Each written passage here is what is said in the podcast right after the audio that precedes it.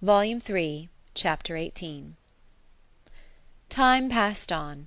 A few more to morrows, and the party from London would be arriving. It was an alarming change, and Emma was thinking of it one morning, as what must bring a great deal to agitate and grieve her, when Mr. Knightley came in, and distressing thoughts were put by. After the first chat of pleasure he was silent, and then in a graver tone began with: "I have something to tell you, Emma; some news." "Good or bad?" said she quickly, looking up in his face. "I do not know what it ought to be called." "Oh, good, I am sure. I can see it in your countenance; you are trying not to smile." "I am afraid," said he, composing his features, "I am very much afraid, my dear Emma, that you will not smile when you hear it." "Indeed! But why so? I can hardly imagine that anything which pleases or amuses you should not please and amuse me too." "There is one subject," he replied, "I hope but one, on which we do not think alike." He paused a moment, again smiling, with his eyes fixed on her face. "Does nothing occur to you? Do not you recollect? Harriet Smith." Her cheeks flushed at the name, and she felt afraid of something, though she knew not what. "Have you heard from her yourself this morning?" cried he. "You have, I believe, and know the whole." "No, I have not. I know nothing. Pray tell me." "You are prepared for the worst, I see, and very bad it is. Harriet Smith marries Robert Martin." Emma gave a start, which did not seem like being prepared, and her eyes in eager gaze said, "No, this is impossible." But her lips were closed. "It is so indeed continued Mr. Knightley. "I have it from Robert Martin himself; he left me not half an hour ago." She was still looking at him with the most speaking amazement. "You like it, my Emma, as little as I feared. I wish our opinions were the same; but in time they will; time, you may be sure, will make one or the other of us think differently, and in the meanwhile we need not talk much on the subject." "You mistake me, you quite mistake me," she replied, exerting herself. It is not that such a circumstance would now make me unhappy, but I cannot believe it. It seems an impossibility. You cannot mean to say that Harriet Smith has accepted Robert Martin; you cannot mean that he has even proposed to her again, yet; you only mean that he intends it." "I mean that he has done it," answered Mr. Knightley, with smiling but determined decision, "and has been accepted." "Good God!" she cried. "Well!" Then, having recourse to her work basket in excuse for leaning down her face, and concealing all the exquisite feelings of delight and entertainment which she knew she must be expressing, she added: "Well! now tell me everything; make this intelligible to me. How? where? when? Let me know it all. I never was more surprised. But it does not make me unhappy, I assure you. How? how has it been possible?" "It is a very simple story. He went to town on business three days ago, and I got him to take charge of some papers which I was wanting to send to John. He delivered these papers to John at his chambers, and was asked by him to join their party the same evening to Astley's; they were going to take the two eldest boys to Astley's. The party was to be our brother and sister, Henry, John, and Miss Smith. My friend Robert could not resist. They called for him in their way, were all extremely amused, and my brother asked him to dine with them the next day, which he did, and in the course of that visit, as I understand, he found an opportunity of speaking to Harriet, and certainly did not speak in vain. She made him, by her acceptance, as happy even as he is deserving. He came down by yesterday's coach, and was with me this morning immediately after breakfast, to report his proceedings, first on my affairs, and then on his own. This is all that I can relate of the how, where, and when. Your friend Harriet will make a much longer history when you see her. She will give you all the minute particulars which only woman's language can make interesting. In our communications we deal only in the great. However, I must say that Robert Martin's heart seemed for him, and to me, very overflowing and that he did mention, without its being much to the purpose, that on quitting their box at Astley's, my brother took charge of Mrs. John Knightley and little John, and he followed with Miss Smith and Henry, and that at one time they were in such a crowd as to make Miss Smith rather uneasy." He stopped. Emma dared not attempt any immediate reply. To speak, she was sure would be to betray a most unreasonable degree of happiness.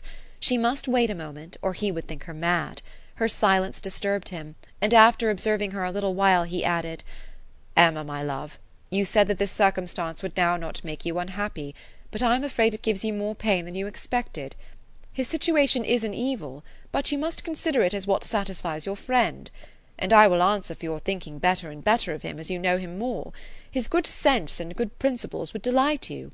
As far as the man is concerned, you could not wish your friend in better hands. His rank in society I would alter if I could, which is saying a great deal, I assure you, Emma. You laugh at me about William Larkins, but I could quite as ill spare Robert Martin." He wanted her to look up and smile, and having now brought herself not to smile too broadly, she did, cheerfully answering you need not be at any pains to reconcile me to the match. I think Harriet is doing extremely well. Her connections may be worse than his. In respectability of character, there can be no doubt that they are. I have been silent from surprise merely, excessive surprise. You cannot imagine how suddenly it has come on me, how peculiarly unprepared I was; for I had reason to believe her very lately more determined against him, much more than she was before. You ought to know your friend best replied Mr. Knightley. But I should say she was a good tempered, soft hearted girl, not likely to be very, very determined against any young man who told her he loved her. Emma could not help laughing as she answered, "Upon my word, I believe you know her quite as well as I do. But, Mr. Knightley, are you perfectly sure that she has absolutely and downright accepted him? I could suppose she might in time, but can she already? Did not you misunderstand him?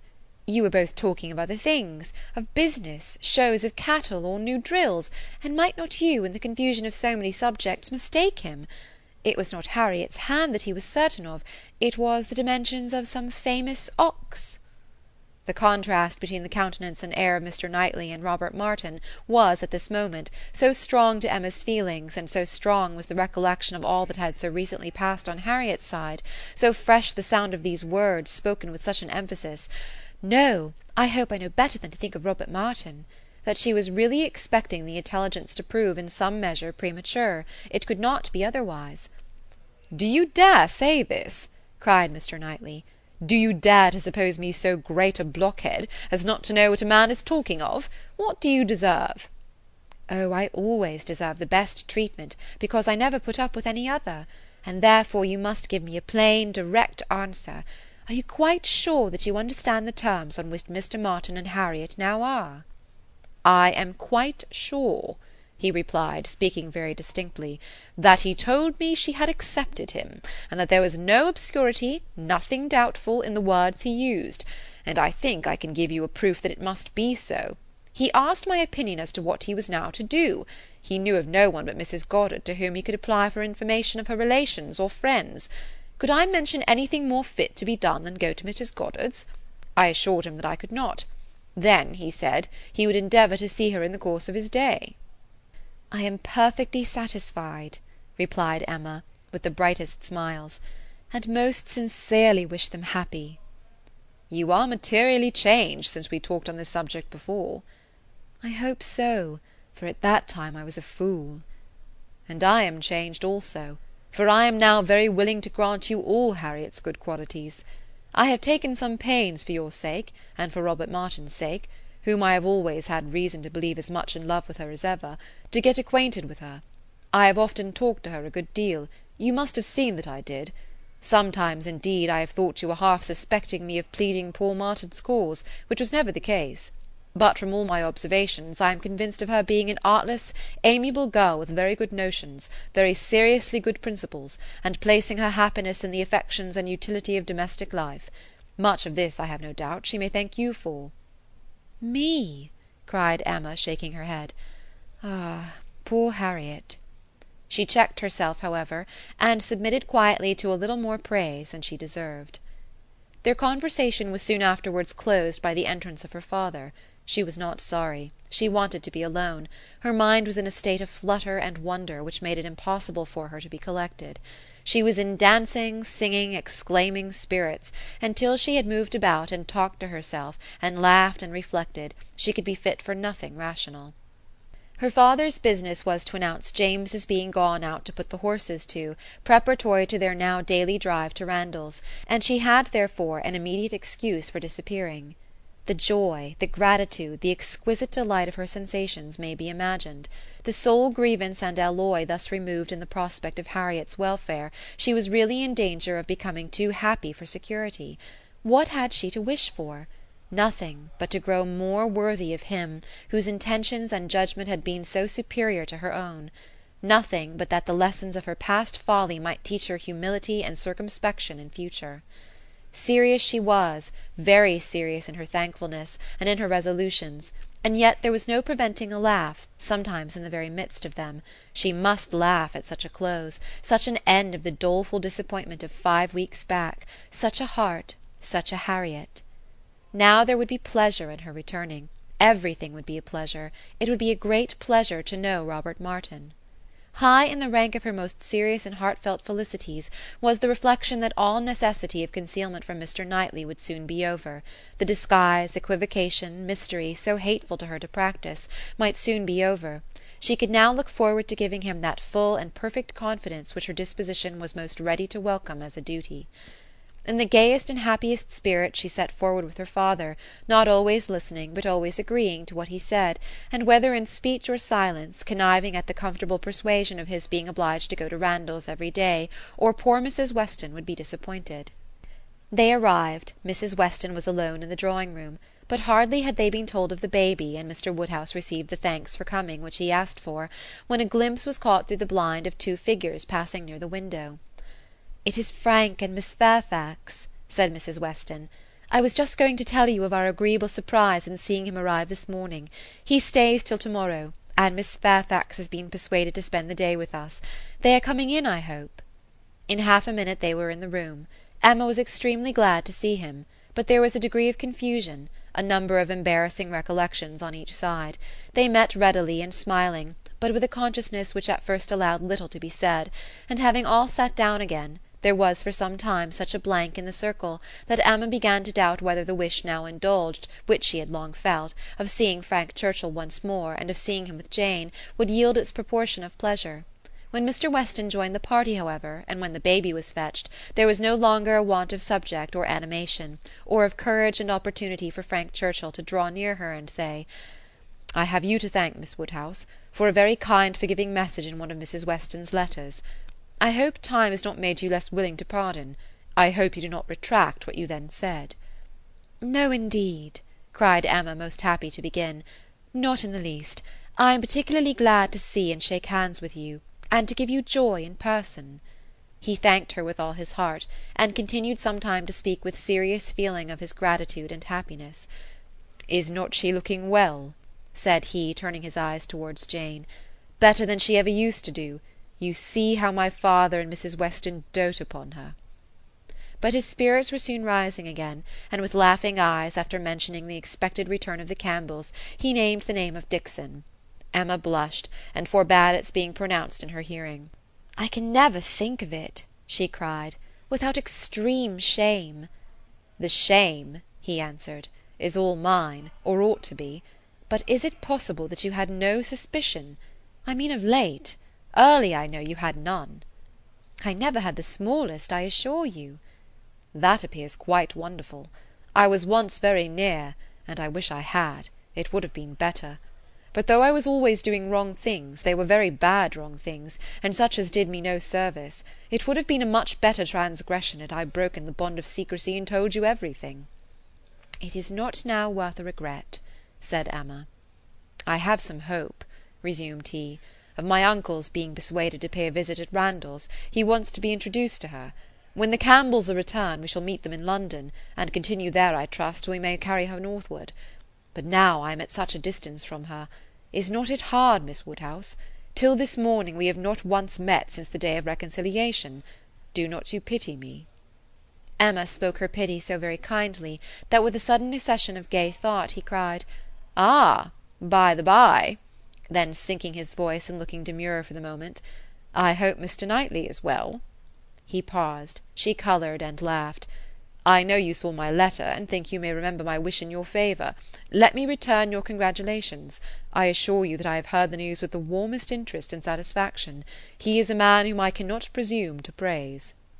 Emma was delighted, and only wanted him to go on in the same style, but his mind was in the next moment in his own concerns and with his own Jane, and his next words were: "Did you ever see such a skin? Such smoothness, such delicacy, and yet without being actually fair. One cannot call her fair. It is a most uncommon complexion, with her dark eyelashes and hair, a most distinguishing complexion; so peculiarly the lady in it. Just colour enough for beauty." "I have always admired her complexion," replied Emma, "but do not I remember the time when you found fault with her for being so pale, when we first began to talk of her? Have you quite forgotten?" "Oh, no! What an impudent dog I was! How could I dare?" But he laughed so heartily at the recollection that Emma could not help saying, "I do suspect that in the midst of your perplexities at that time you had very great amusement in tricking us all. I am sure you had. I am sure it was a consolation to you." "Oh no, no, no! How can you suspect me of such a thing? I was the most miserable wretch." "Not quite so miserable as to be insensible to mirth. I am sure it was a source of high entertainment to you to feel that you were taking us all in. Perhaps I am the readier to suspect, because, to tell you the truth, I think it might have been some amusement to myself in the same situation. I think there is a little likeness between us." He bowed. "If not in our dispositions," she presently added, with a look of true sensibility, "there is a likeness in our destiny, the destiny which bids fair to connect us with two characters so much superior to our own." "True, true," he answered warmly. "No, not true on your side; you can have no superior, but most true on mine. She is a complete angel. Look at her. Is she not an angel in every gesture? Observe the turn of her throat, observe her eyes, as she is looking up at my father. You will be glad to hear," inclining his head and whispering seriously, "that my uncle means to give her all my aunt's jewels. They are to be new set. I am resolved to have some in an ornament for the head. Will it not be beautiful in her dark hair?" "Very beautiful indeed," replied Emma, and she spoke so kindly that he gratefully burst out: "How delighted I am to see you again, and to see you in such excellent looks! I would not have missed this meeting for the world. I should certainly have called at Hartfield had you failed to come." The others had been talking of the child, Mrs. Weston giving an account of a little alarm she had been under the evening before from the infant's appearing not quite well. She believed she had been foolish, but it had alarmed her, and she had been within half a minute of sending for Mr. Perry. Perhaps she ought to be ashamed, but Mr. Weston had been almost as uneasy as herself. In ten minutes, however, the child had been perfectly well again.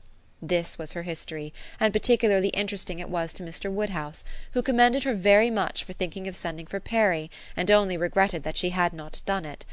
"She should always send for Perry if the child appeared in the slightest degree disordered, were it only for a moment. She could not be too soon alarmed, nor send for Perry too often. It was a pity, perhaps, that he had not come last night, for though the child seemed well now, very well considering, it would probably have been better if Perry had seen it." Frank Churchill caught the name. "Perry!" said he to Emma, and trying as he spoke to catch Miss Fairfax's eye. "My friend Perry! What are they saying about Mr. Perry? Has he been here this morning? And how does he travel now? Has he set up his carriage?" Emma soon recollected and understood him, and while she joined in the laugh, it was evident from Jane's countenance that she too was really hearing him, though trying to seem deaf. "Such an extraordinary dream of mine!" he cried. "I can never think of it without laughing. She hears us, she hears us, Miss Woodhouse. I see it in her cheek, her smile, a vain attempt to frown. Look at her. Do not you see that, at this instant, the very passage of her own letter, which sent me the report, is passing under her eye; that the whole blunder is spread before her; that she can attend to nothing else, though pretending to listen to the others?" Jane was forced to smile completely for a moment, and the smile partly remained as she turned towards him, and said in a conscious, low, yet steady voice, "How you can bear such recollections is astonishing to me. They will sometimes obtrude, but how you can court them!" He had a great deal to say in return, and very entertainingly, but Emma's feelings were chiefly with Jane in the argument, and on leaving Randalls and falling naturally into a comparison of the two men, she felt, that pleased as she had been to see Frank Churchill, and really regarding him as she did with friendship, she had never been more sensible of Mr. Knightley's high superiority of character. the happiness of this most happy day received its completion, in the animated contemplation of his worth which this comparison produced.